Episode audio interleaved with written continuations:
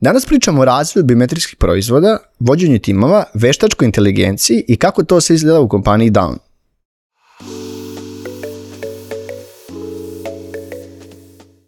Drani, dobrodošli u novu epizodu Netokracije Office Talksa. Moj je Marko, a danas u gosti imamo Nikolu Vojteka, engineering manager u kompaniji Down. Nikola, dobro nam došao. Hvala Marko, hvala na pozivu.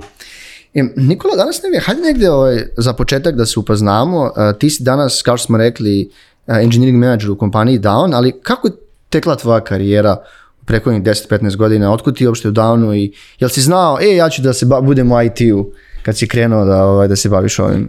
Uh, pa da, generalno, evo sad da kažem, uh, karijeru sam počeo pre nekih 12, 13, možda 14 godina. Počeo sam onako školski, što bi se reklo.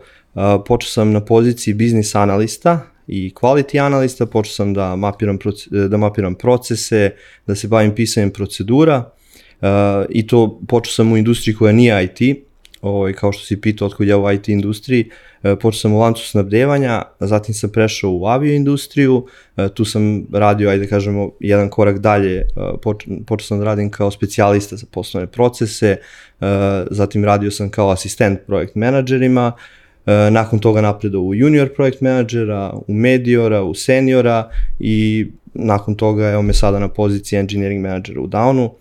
Ove, I nekako sam od uvijek znao da ću završiti u IT-u, tako uh -huh. da mhm. samo je bilo neko pitanje vremena, tako da... Koliko ti je to negde znanje koji si sticao ono, kako ste nekim biznis procesima i drugim industrijama danas pomaže, e, kao možda u boljem razumijevanju on, samih biznis, biznis strane proizvoda?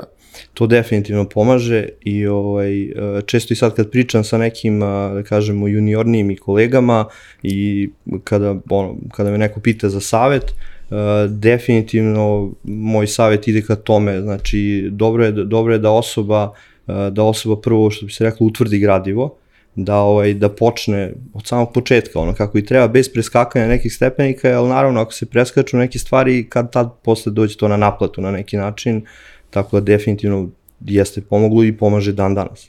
I ono što meni je bilo zanimljivo, ovaj, kad smo se pripremali, ti si uh, doktorirao na, na fonu, uh, to je tema, na tema bila veštačka inteligencija, je li tako? Meni to je bilo zanimljivo, nismo imali puno doktora, da kažem, u podcastu u emisiji. I hajde malo pričamo o tome. Kako uopšte, e, ja ću da doktoriram na temu veštačke inteligencije, Znaš, kako, kako ti si osjećaš, ono, to ti ono, si, kako si došao do toga? E, pa generalno, generalno, da, E, doktorirao sam na fakultetu organizacijonih nauka, smer, smer se zove upravljački sistemi i na smeru se proučavaju različite tehnologije, različite metode koje se baziraju na tehnikama mekog računarstva, na mašinskim učenju. A, nekako me to od uvek e, i interesovalo i nakon što sam završio osnovne i master studije, kad sam opet utvrdio gradivo za ove neke stvari, ovaj, jednostavno video sam da će mi koristiti ovaj, ako se budem dalje, ako se budem dalje ovaj, ako budem nastavio obrazovanje u toj oblasti. Tako da više me interesuje način eh, na koji ti matematički modeli funkcionišu, eh, šta je pozadina cele priče, tako i onako nekako sam i znao, evo i dan danas to mi definitivno koristi kad pričamo o razvoju softvera gde razumem u pozadini šta se dešava, zbog čega se neke stvari rade, šta je potrebno da bi se nešto napravilo i tako dalje. Ja, kad pogledaš uh, veštačku inteligenciju i generalno Srbiju, uh, koliko zaostajemo a pričamo o znanju koji možda nekim domaćim kadru ovde kod nas i preko, jer to sad zaista bitna tema i mnogo se priča o tome, yes. pogotovo negde da pojave chat GPT, ja ne znam da si video da je bilo sad novi keynote, keynote je bio baš pre 2-3 dana za release novog, nove verzije. Da, da jeste. Uh, generalno, ja možda ne bih rekao da mi zaostajemo, uh -huh. s mhm. jedne strane. Uh, E, s druge strane, ako pričamo o veštačkoj inteligenciji, definitivno je pre par godina došlo do tog hajpa, a u smislu da su se izbacili i pojavili neki alati koji se baziraju na principima veštačke inteligencije i ti alati su, e, tako reći, približili veštačku inteligenciju širokoj masi ljudi. Uh mhm. -huh. Ja bih rekao da se to desilo u prethodnih par godina. Veštačka inteligencija principi, sama teorija, sve što stoji iza toga, naravno da je to počelo još 50. godina. Mislim da je najveći hype u smislu primene e, na konkretno rešavanje problema to doživjelo još 80-ih, 90-ih, uh -huh. možda 2000-ih godina. Ovaj, i tako generalno ako, ako posmatramo u ovih prethodnih par godina jeste to neki hype, ali ja bih rekao ono to je hype ka tim, ka širokoj masi ljudi, da, da uh -huh. sad svako bukvalno može da, da napravi nalog, pomenuo si chat GPT na primjer, postoji Bing, postoji naravno drugi, Marti, drugi, drugi da. alati, ovaj, svako može da otvori, otvori nalog i da pita naravno šta mu treba, da mu, da mu jednostavno, da mu AI, ajde da ih zovemo tako sve te neke uh, alate, da, da mu AI jednostavno pomogne u nekom postu. Ubrza da kažem. Pa, faktički, uh, tu, prevashodno mislim da je fokus tu na uštedi vremena. Uh -huh. uh, uštedi vremena, na primjer, u kom smislu mogu, mogu na primjer da dam jedan primer, uh, pomen, pomenuli smo malo doktorske studije. Ja kada sam počinio doktorske studije pre, to je sad bilo pre, možda neka bude 7-8 godina, desetak, ovaj, i kada sam trebao da radim određene istraživanja gde sam imao određenu bazu podataka koje je trebalo obraditi, uh, konkretno na primjer pričamo o neuronskim mrežama, ja sam morao definitivno da naučim uh, kako ovaj, da kroz Python da formulišem kod, kako da napišem kod, kako da izdefinišem šta mi treba od parametra, kako da pokrenem mrežu, kako da istreniram mrežu na podacima, a danas ja mislim da bi to mnogo lakše mogu da uradim gde mogu samo da zadam chat GPT-u ovaj, neku osnovnu komandu ili da ga jednostavno pitam, ajde molim te daj mi primjer ovaj, kako u Pythonu tu i tu neuronsku mrežu da pokrenem, kako da... Ne, a jedno, jedno, je... da, jedno što mislim, pitanja su često pitamo i što se baš priča o tome, jel misliš negdje da će da zameni određene poslove, pogotovo neki možda ide koji su bili više, kažem, po automatizmu ili pešački bili? Pa mislim da hoće, u tom smislu ovo što smo malo prepričali, uh mhm. -huh. ušteda vremena, uh, s jedne strane hoće, s druge strane daće priliku ljudima da se bavi nečim drugim. Uh -huh. ovaj, daće priliku, ajde možda sad to onako malo zvuči, ali daće priliku ljudima da budu malo kreativniji, da se bave, da se fokusiraju na stvarno rešavanje problema. Jer šta mi svi radimo, ne samo u IT industrijama, nego i u, i u drugim industrijama, mi u suštini rešavamo neki problem nekog krajnjeg korisnika. Uh -huh. ovaj, AI treba posmatrati ko alat. Jeste veoma moćan i to je, ajde sad neka druga tema, ali ovaj, ajde za početak da vidimo ovaj, ko je, koliko vremena taj AI može da nam uštedi, a da se mi fokusiramo na nešto drugo. Na nešto malo kreativnije, ajde, može i tako da se kaže. Da. Tako da, da. Ja slažem s tobom tu. E, pomenuli smo da si danas engineering manager u kompaniji Down.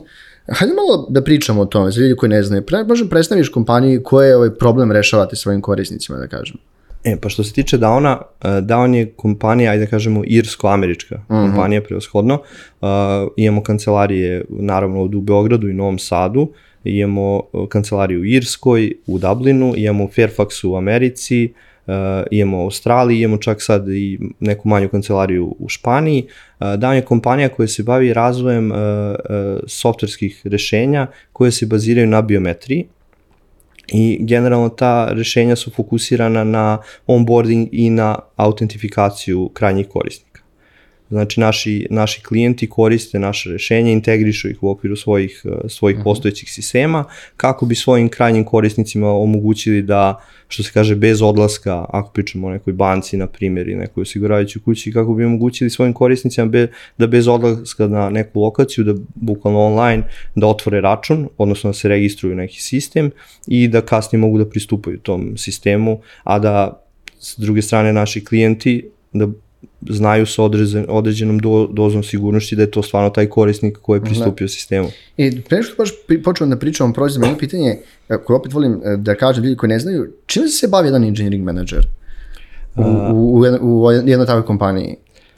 Pa, to jeste zanimljivo pitanje. A, ja, ja bih rekao da glavna moja odgovornost jeste da e, isporučujemo softver e, našim klijentima uh, i, da, i da ceo taj proces isporuke, ceo taj proces realizacije zahteva koje dobijamo od klijenata, da jednostavno to teče, ne, ne može da se kaže neometano naravno, ali glavna odgovornost je da se isporuči softver, da timovi funkcionišu, da su sinhronizovani, naravno uh, da se radi u određenom segmentu i na napređenju timova, ali da kažem, aj taj neki, možemo to kažem, malo taj kreativni deo, definitivno.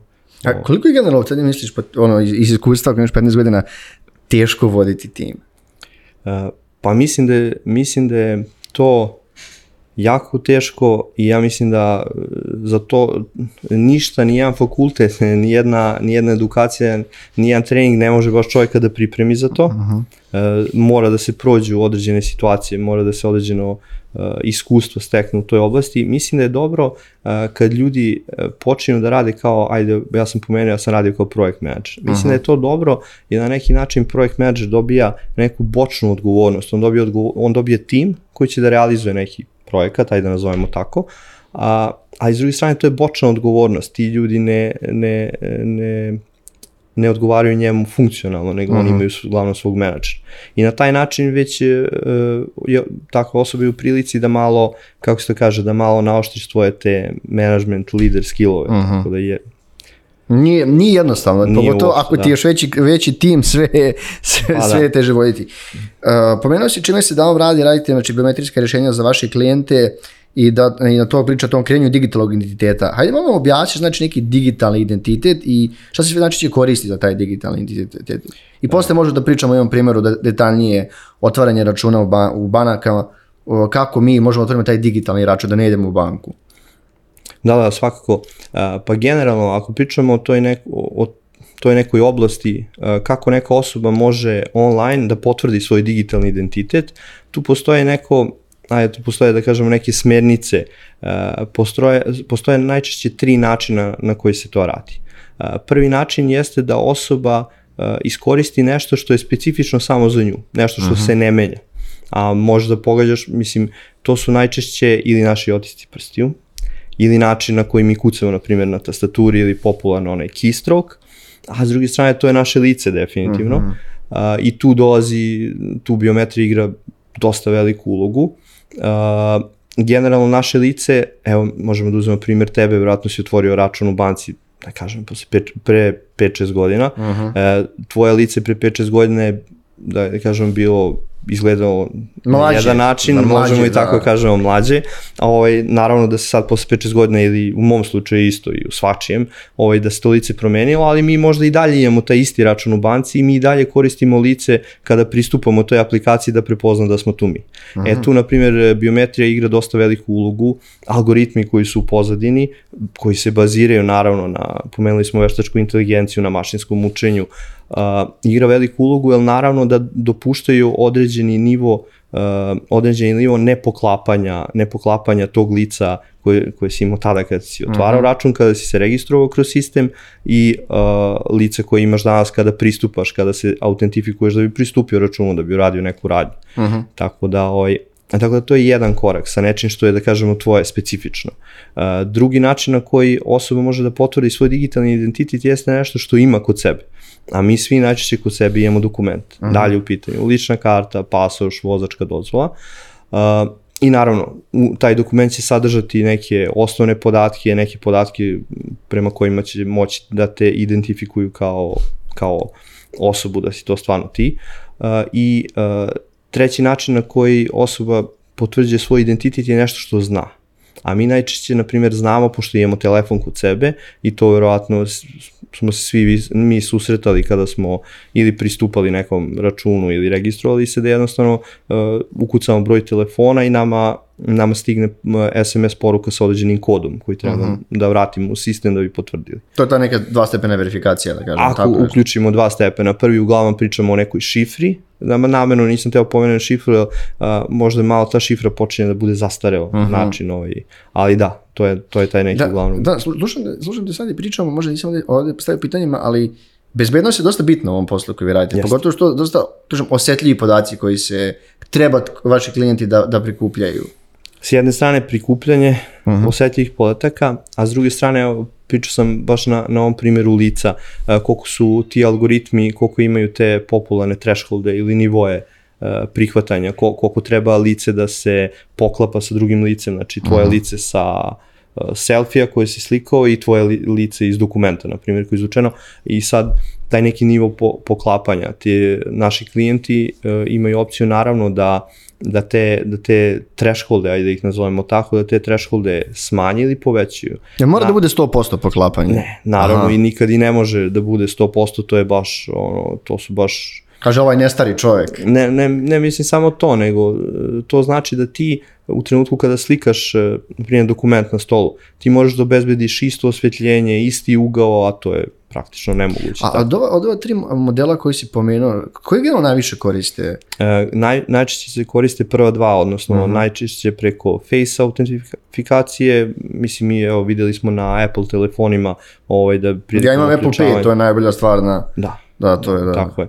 Ovaj, e, najčešće znači preko face, odnosno lica i dokumenta. Aha. I, I tu ono što nisam pomenuo, na primjer, da dokument, e, sad često imamo i ove, pošto imamo biometrijske pasoše, Da, mi se imamo radi NFC. na tome tako nešto. Da, da, kada- da, tako je, tako je. A da malo pričamo o tome, to je dodatan korak kako se gledaju ti biometrijski pasoši. Pa da, znači, e, najzanimljivija stvar tu, naravno, ako izuzmemo sam razvoj i nekog softverskog rešenja, recimo neke mobilne aplikacije, pošto svi naši e, telefoni, odnosno većina pametnih ima NFC ovaj, Mhm.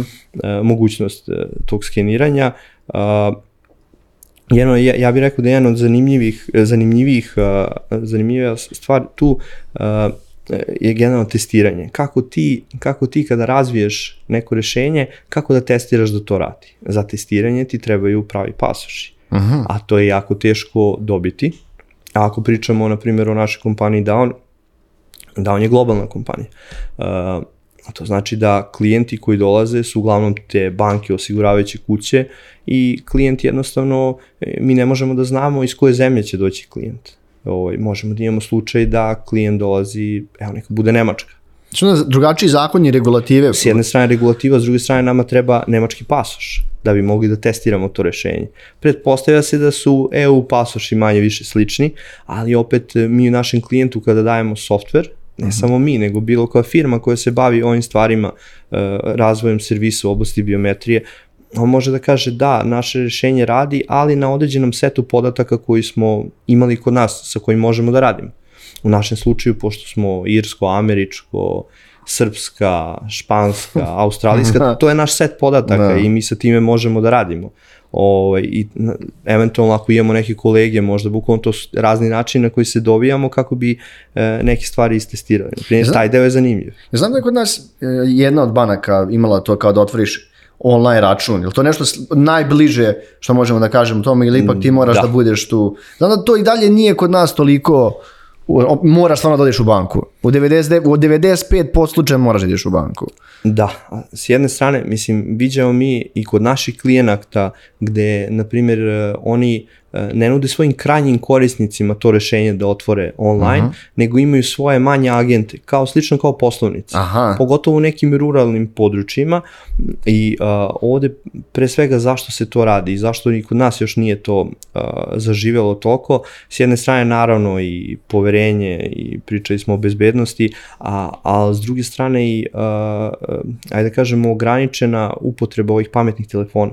Aha. Jeste da mi, većina nas ima pametne telefone, ali moramo da uzmemo obzir širi broj korisnika i starijih korisnika. I, Kao kažu znači, ograničena upotreba, na šta tačno misliš? A, generalno tu mislim na, na, na ajde kažemo, na, na jednostavno telefone koji su, ajde, sada po, po, poslednji, ono, cutting edge tehnologija, Aha, aha. na, Koji dozvoljavaju ti tako neke stvari raditi. koji dozvoljavaju i koji ti omogućavaju da koji ti omogućavaju da naravno da uhvatiš bolju sliku koji, kod kojih će bolje taj NFC eh, deo čitanja biometrijskog pasoša raditi na primjer Aha.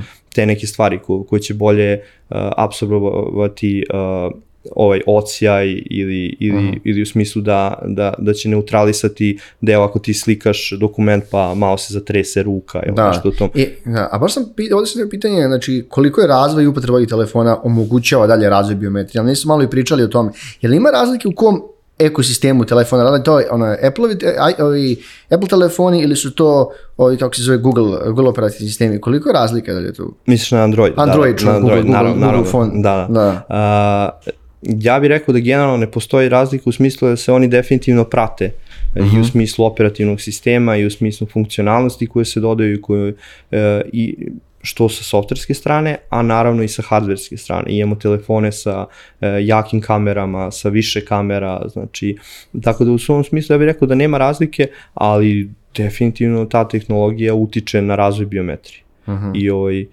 ne, ne samo na razvoj i algoritama baš, nego baš i na razvoj i ovih nekih bezbednostnih aspekata, jer što je, što je bolji, ajde da kažemo bolji, što je jači telefon, naravno da će hvatati što oštrije slike, naravno da će, po, pogotovo postoji još jedna stvar koju, ajde, nismo toliko možda pominjali, ali u trenutku kada jedan korisnik e, sebe slika, ne mora to da bude vezano za e, potvrdu digitalnog identiteta, možda bude vezano za Instagram, na primjer, e, korisnik u stvari u pozadini možda i nije svestan toga, ali kamera hvata 12 do 15 frame-ova i onda možda odbacuje najbolji i najgori i onda traži neki prosječan frame. Uh -huh. Znači, to nije samo jedna slika koju mi uhvatimo, tako da. A kad, a kad gledate, ono, pošto imate, kažem, po celom svetu kancelarije, jer, a pričamo prije nove tehnologije, jer su, uh, zavno, kažem, američke kompanije, kažem, ispred i možda su, ono, kapiram da su najveći klijenti, e, jesu ispred, kažem, Evrope u ovom segmentu, koja pomalo je tradicionalnija, pogotovo ako pričamo, neko, ako pričamo o Nemačkoj, kao neće tržište, oni, ne znam kako je sad, znam da su oni i mnogo vole papir i dalje vole taj papir kao dominantno sredstvo plaćanja i čak i ostali podataka administracije. Uh, jesu, što se tiče američkih klijenata uh, i, i u smislu, da ćem jedan primjer gde uh, gde, gde u Americi imate vozačke dozvole koji imaju ovaj uh, biometrijski čip koji, koji možete da, uh -huh. koje možete da skenirate preko NFC-a na primjer. Aha. Naše vozačke dozvole ne mogu to. E, ne kažem da sve, sve njihove one države. A zavisi ali, države da, države. Da, da, država država. I, I generalno mogu da kažem da jesu, jesu američki klijenti uh, definitivno moderni, naklonjeni uh -huh. tim tehnologijama, ali s druge strane, isto američki klijenti su specifični po pitanju određenih sigurnosnih i bezbednostnih provera uh -huh. koje je potrebno uraditi u pozadini, tako da onako, da. malo je, ne mogu kažem zatvorenije tržište, ali definitivno kada poredimo zahteve koje dobijamo od klijenata sa te strane, sa zapada, uh, klijenata u Evropi ili klijenata sa istoka, može se vidjeti malo neki šablon, onako, uh mhm. -huh. različiti su zahtevi. Da. A koliko je generalno kompleksno razvijati ovakve, ovakve, ovakve sisteme? I pomenuo si da je testiranje dosta bitno i zanimljivo, da kažem. Pa da, jeste, ali ajde što se tiče kompleksnosti, uh, Down je firma koja, Down je firma koja razvija sisteme od nule, uh mhm. -huh. znači, uh, bukvalno o, od, ajde kažemo, od same neke iniciranje neke ideje treba da se razvije algoritam koji će proveravati neki dokument, recimo možemo da uzmemo uh, možemo, možemo da uzmemo kao primer algoritam koji će proveravati kada korisnik slika dokument, ličnu kartu, da li je u stvari to baš njegova slika na ličnoj karti ili je on u stvari prilepio nečiju drugu aha, sliku ili nešto. Aha. Ovo, znači od trenutka kad se razvija algoritam, testiranje, validacija tog algoritma, uh, preko ubacivanja integracije tog algoritma u određeni servis, uh, zatim isporuka tog servisa, eh, odnosno popularni deployment na nekim klijentskim eh, serverima, do komunikacije ka klijentu da će taj novi servis biti dostupan, šta je potrebno uraditi da se konfiguriše, ispratiti klijenta u svom testiranju, ovaj, to, evo, možemo sad malo pričamo o tom testiranju, ali generalno što se tiče kompleksnosti razvoja, definitivno, definitivno jeste, jeste ovaj, e, kao, kao kad posmatramo onaj lanac, pa svaka karika, ne postoji, da kažemo, neka najslabija karika, uh -huh. svako mora da odredi svoj deo, i zato što drugi tim čeka na to. Jasno, jasno. Da, Tako da, a pomenuli smo testiranje, e, testiranje jeste specifično, jer bilo kako uzme u obzir uh, ove biometrijske servise, uh, da bi testirali i videli kako nešto radi, da je taj algoritam učinkovit, da tako kažemo, ovaj, potreban je određeni set podataka.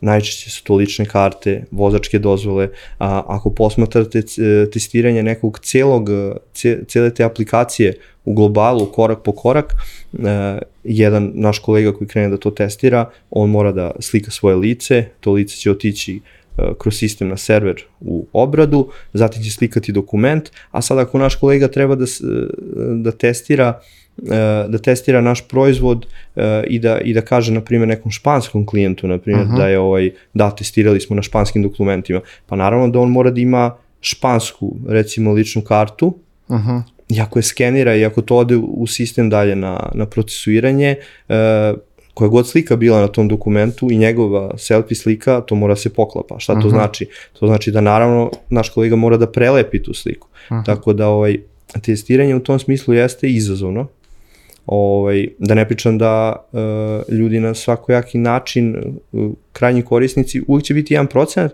koji će probati da koji će probati da zloupotrebi sistem, koji će probati da pokvari taj algoritam, koji će probati da se registruje pod drugim imenom, pod drugim licem, da bi naravno uh, imao nekog drugog benefita, što se kaže. Pa vi, tako, vi to radite u testiranju isto, probate e, da kao to, da, to da. ste, zbog toga ovaj, sam krenuo na tu stranu da, da jednostavno sve, svi, svi ti neki, ajde da kažemo oni use case svi ti neki scenari, to, to je sve nešto što se mi trudimo da pokrijemo. I zbog toga imamo poseban uh, tim, data tim koji se bavi samo testiranjem i ajde da kažemo njihov glavni cilj je da pokušaju da pokušaju da pokore algoritam, Da. da, ga, da ga prevare jednostavno. Ovaj, a s druge strane pomenuli smo NFC i pasoše.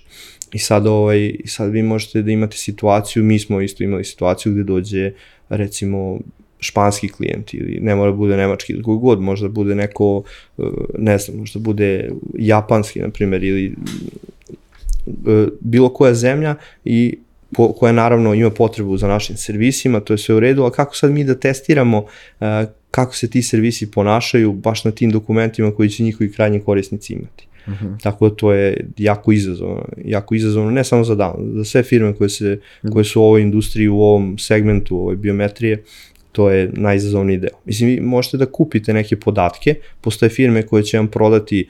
Uh, To su data firme koje generalno prodaju firme, podatke, da. da. ali e, vama često, uh, pogotovo uh, šta klijente naše interesuje? Interesuje da neko ne može da, da zlupotrebi uh, sistem, da neko ne može ono lažno da se registruje, uh, tako da naš klijent, naši klijenti od nas zahtevaju da mi na neki način proveravamo prilikom onboarding procesa, recimo prilikom procesa registracije, da mi proveravamo da je to živa osoba, da je taj dokument pravi dokument, da nije neko stavio sliku i štampao nečiji dokument sa interneta i stavio ga samo i njega sliku telefonu Da, na primjer. Tako da sve to zahteva da u nekom, u nekom obliku imate fizički prisutna dokumenta, tako da to je dosta izazovno. E, još je, ovaj, pomenuo si onboarding, uh, onboarding klijenata i koliko generalno u pripremi epizode saznao sam da je e, sa strane klijenta je lako je implementirati vaš proizvod i jako nemamo neko tehničko znanje. Tako je, tako je. Znači, mi smo ove godine izbacili Izvim što prekinem što sam to je naravno i za, moguće i za, samo za manje klijente ili za i velike enterprise sisteme. i za velike kli- klijente i za manje, znači ne, nema tu neke razlike u, u veličini ovaj uh -huh. klijenta, odnosno ne samo u veličini klijenta, nego i u veličini te baze tih krajnjih korisnika uh -huh. koje klijent ima. Ovaj, mi smo ove godine izbacili novu platformu koja se zasniva na, na SaaS konceptu, TrustX platformu, I ovaj, o- upravo ovo što si rekao, ta platforma omogućava našim klijentima da jako, e, da jako, mogu kažem i dosta brzo i dosta la- lakše da implementiraju e, samu platformu u okviru, u okviru svojih sistema. Naravno, platforma e, nije standalone samo po sebi, ovaj, nego se mora implementirati u, u postojeće sisteme klijenta, ali to mogu da urade na dosta jednostavan način. Naprimjer, uh, ove godine smo izbacili, ajde da kažemo, tu novu platformu TrustX, uh, uh, pre dve godine smo izbacili prvu neku inicijalnu isto platformu za digitalni onboarding koja se bazirala na SaaS konceptu, ali da kažemo to, je, to su bili neki prvi koraci od kojih smo dosta i naučili, imamo i danas klijente na, na toj nekoj prvoj platformi uh, na bazi uh, SaaS-a, a generalno, generalno definitivno nam je pomoglo, pomoglo nam je da, da, da razvijemo ove godine novu platformu.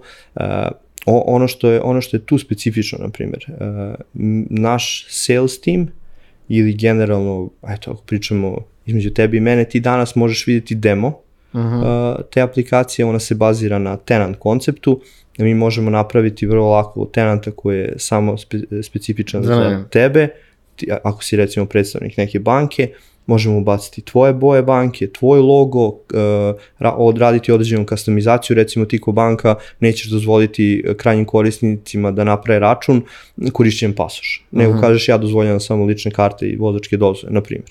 Ili kažeš ja ne želim da dozvolim korisnicima da, da ukucaju broj mobilnog telefona pa da dobiju SMS, izbaci taj korak. Dovoljno je samo da slikaju lice, da ovaj, slikaju dokumenti i to je to. Znači to veoma brzo može da se konfiguriše, da ne pričamo ono, u, u, tipa u jednom danu, ti možeš da vidiš demo i faktički to što vidiš, to je mhm. krajnji proizvod koji ćeš dobiti. Samo je onda pitanje vremena koliko, koliko je potrebno da se ta naša platforma integriše sa tvojim sistemima, da se naravno uradi neko testiranje, validacija s tvoje strane i to je to. A koliko je to prosječno vreme onboardinga? To zavisi od klijenta, njihove brzine? Zavisi od brzine klijenta. No. Da. S naše strane mi smo uh, tu i težimo da to olakšamo, da smanjimo na minimum sve što, što sve po pitanju te neke tehničke implementacije. Ovaj, tu, tu, smo da, tu smo da omogućimo klijentu tu s jedne strane tu konfigurabilnost, a s druge strane da, da, da omogućimo dosta, dosta opširan monitoring uh, celog tog procesa, da klijent ima uvid šta se dešava, koliko je bilo krajnjih korisnika, uh, na kom koraku su se najviše zadržali i nekako s treće strane tu smo da omogućimo klijentima da e, dosta lako mogu da koriste e, naše nove verzije servisa. Uh -huh. Znači, jer naravno svi algoritmi koji se razvijaju, ovaj, al algoritmi se, ajde da kažem, poboljšavaju, timovi rade na njima i izbacuju se nove verzije. Naravno, no. Da. ovaj, ovaj, tu smo nekako da kroz celu tu platformu omogućimo klijentu s jedne strane da dobije priliku možda prepuštanja u produkciju, da istestira novu verziju, da vidi kako se to ponaša, uh. Tako da generalno. E, a kad pričamo malo o radu sa klijentima i kao produkt kompanija drugačije, drugačije skroz uh, mm. i vođenje tima i organizacije, uh, koliko je bitan taj feedback koji dobijate od klijenata u poslu? I koliko je generalno bitan, ovaj, pogotovo ako dobijamo feedback za izgradnje novih update-ova, platformi i slično, i koliko je bitno imati da taj poslovni odnos sa klijentima, ako gledaš ti sa tvoje tehničke strane? Sa tehničke strane poslovni odnos je jako bitan, mislim, naravno, bitan je ovaj, koliko i u drugim industrijama, u drugim firmama, uh, ovde po, pogotovo to specifično, jer često je klijent taj Eh, odnosno njegovi kraj, krajnji korisnici su ti koji bukvalno uh, bukvalno, ne mogu kažem, ne testiraju oni naš, uh, naše servise, naš software, naš proizvod, ali oni imaju prilike da u pravim tim realnim scenarijima da, da, da jednostavno da, da slikaju lične karte ako pričamo o nekom klijentu koji je recimo sa Filipina, na primjer. Ovo je teško da ćemo mi sad imati, osim, osim da uzemo da falsifikujemo neke lične karte, filipinske ili neke vozačke dozvore, a klijent je taj koji će stvarno to koristiti ovaj, u pravim scenarijima, u svakodnevnom životu i ona je dosta, bitan, dosta bitna povratna informacija koju dobijemo od eh, naših klijenata kako se ponašaju servisi. Ne pričamo samo o konkretnom prepoznavanju, na primjer, ja sam se uhvatio primjera dokument. Tu pričamo i performansama. E, često naši klijenti imaju korisnike koji su u ruralnim područjima, koji imaju, e, što bi se reklo, koji imaju koji imaju slabije telefone, ko, koji imaju, -huh. kojima treba više vremena, na primjer, da se, nakon što se slika slika, da se ona uploaduje, uploaduje da se procesuira dalje, da se dobije povratna informacija. Tako da, definitivno, povratna informacija je jako bitna. I još jedna stvar koja tu igra veliku ulogu jeste uh, stepen zrelosti naših proizvoda. Uh -huh. I veoma je bitno s naše strane i ja mislim da je, da je to ono, jedna od ključnih stvari da razumemo uh, po pitanju konkretnog projek, proizvoda u kom se stadijumu, odnosno u kojoj se fazi zrelosti nalazi.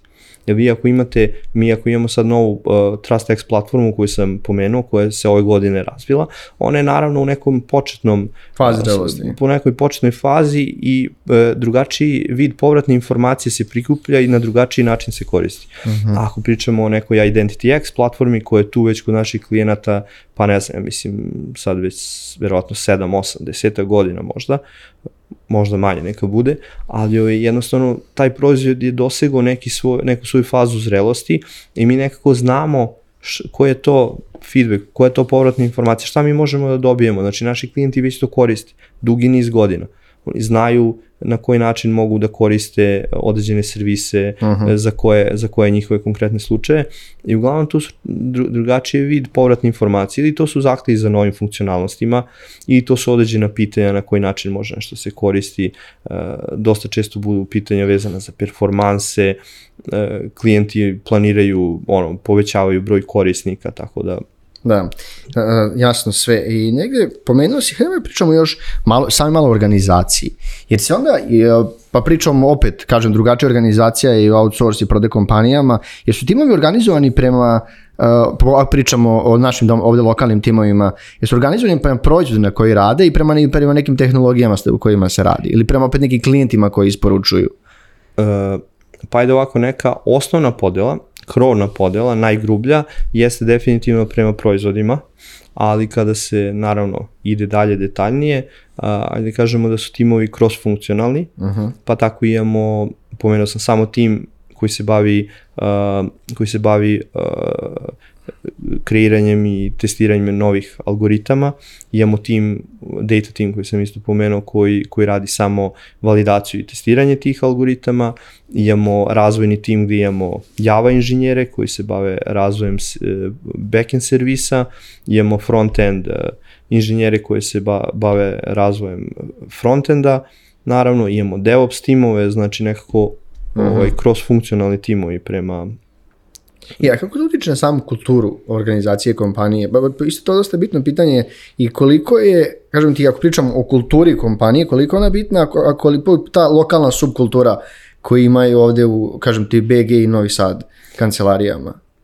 E, pa ovako, što se tiče, što se tiče kulture, uh, jako je bitno na početku napomenuti da ako posmatramo sve kancelarije, uh mhm. -huh. svaka kancelarija sa svakom komunicira redovno na dnevnom nivou. Ja sam to stavio kao pitanje, znači na dnevnom nivou komunikacije. Znači, bukvalno, ne samo to, nego imamo situaciju u konkretnom timu da imamo nekoliko ljudi iz Beograda imamo jedno dvoje kolega koji su u Novom Sadu, uh -huh. uh, imamo jednog, na primjer, arhitekta koji je u, u Dublinu, u Irskoj, imamo jednog kolegu koji radi testiranje u Poljskoj, na primjer, tako da može da se desi da u timu i dosta je, dosta je to slučaj da u timu imamo jednostavno ljude koji su na različitim lokacijama.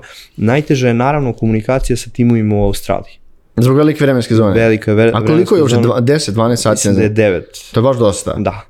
Ali to, to se, to, to se, ajde da kažem, ovaj, naravno, prevazilazimo i to, ovaj, s njima malo ređe se komunicira, ali ovaj, to naravno prevazilazimo tako što izlazimo jednim drugim u susret. To znači da. da mi krenemo, da se mi uključimo ranije na neki sastanak s njima, oni ostaju, ostaju taj dan malo kasnije, uh -huh. vidimo šta treba, prođemo ovaj teme i to je to. Znači neke, i, i to dosta dobar, to dosta govori, ja kažem, o kulturi. Uh, postoje si pitanje vezano za tu kulturu, ne, ne samo ovih beogradskih i novosadskih timova od u Srbiji, nego i celu kulturu firme. Uh, ja bi tu istakao taj, uh, to je pokazati tog nekog ownershipa, odnosno, uh -huh. odnosno odgovornosti. Svaki tim ima, ne, ne samo na nivou tima i na nivou pojedinca, postoji ta odgovornost da se odradi svoj deo kako bi se taj proizvod isporučio klijentu. Jasno, jasno. O, ovaj, to, to, to je definitivno nešto što je bitno e, i bitno je zbog načina na koji razvijamo proizvode, bitno je zbog okruženja u kom radimo, dinamici a, i šta je još tu bitno, e, ta neka transparentnost i komunikacija. A, ja opet kao engineering manager, meni je bitno da svi timovi ili skoro svi ili većina, da budu upućeni šta to drugi timovi rade. Uh -huh. Da se vidi ta šira slika. Jer često kad dobijemo zahtev od klijenta, nije, nije to samo puki zahtev, ok, neka sednu ovaj dvojica programera, recimo Neki kolege, nešto pogledaju, i da. nek pogledaju, nek napišu ono, uh mhm. -huh. kod, šta sve treba, ok, testirat će se, nekad budu i takvi zahtevi. Ali većinom su to zahtevi u smislu baš koji se odnose na uh, dosta, dosta dotiču i temu biometrije često u tom slučaju uh, moraju da se uključe kolege iz research tima, kolege iz data tima koji će, ako treba neki novi algoritam da se razvije, koji će to testirati. Da bi oni testirali, moramo da uključimo, na primjer, kolege iz razvojnog, iz engineering tima koji moraju da im naprave neku sample aplikaciju kako oni to da testiraju. I, i, jako je zbog toga bitno da svi budu upoznati na čemu radimo, šta radimo, šta znači, nam je neki cilj. šira slika, ne svako gleda svoje, da tako kažem tako. Da. Tako je, tako je. I, i nego što da ne kraja ovaj, epizode, što su planovi za 2024. godinu? Ili planirate, ako pričamo pogotovo o beogradskim i novosadskim kancelarijama? Uh, što se tiče planova, uh, isto kao što smo prošle godine definisali naše planove za ovu 2023. bazirali smo ih na TrustX-u na novoj platformi, isto tako će i sledeće godina 2024. biti, biti u, u fokusu te TrustX platforme. naravno, ove godine je bio fokus da se razvije platforma, sledeće godine će biti fokus na tome da, da se ajde da kažemo, pomogne da se pomogne novim klijentima da pređu na tu platformu, da krenu da je koriste u produkciji uh -huh. i tako, tako, ćemo, tako ćemo i koncipirati naše planove. Uh -huh. to, to, to će nam definitivno biti sledeća godina da... da. Planirate možda neko zapošljavanje?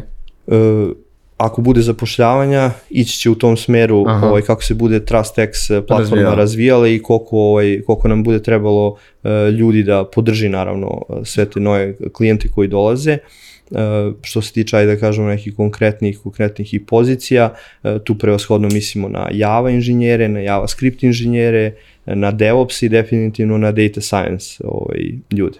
Opet, Nikola, ovaj, hvala ti puno, drago je što je bio naš gost. Hvala i slušalcima i gledalcima koji ostali do kraja naše emisije.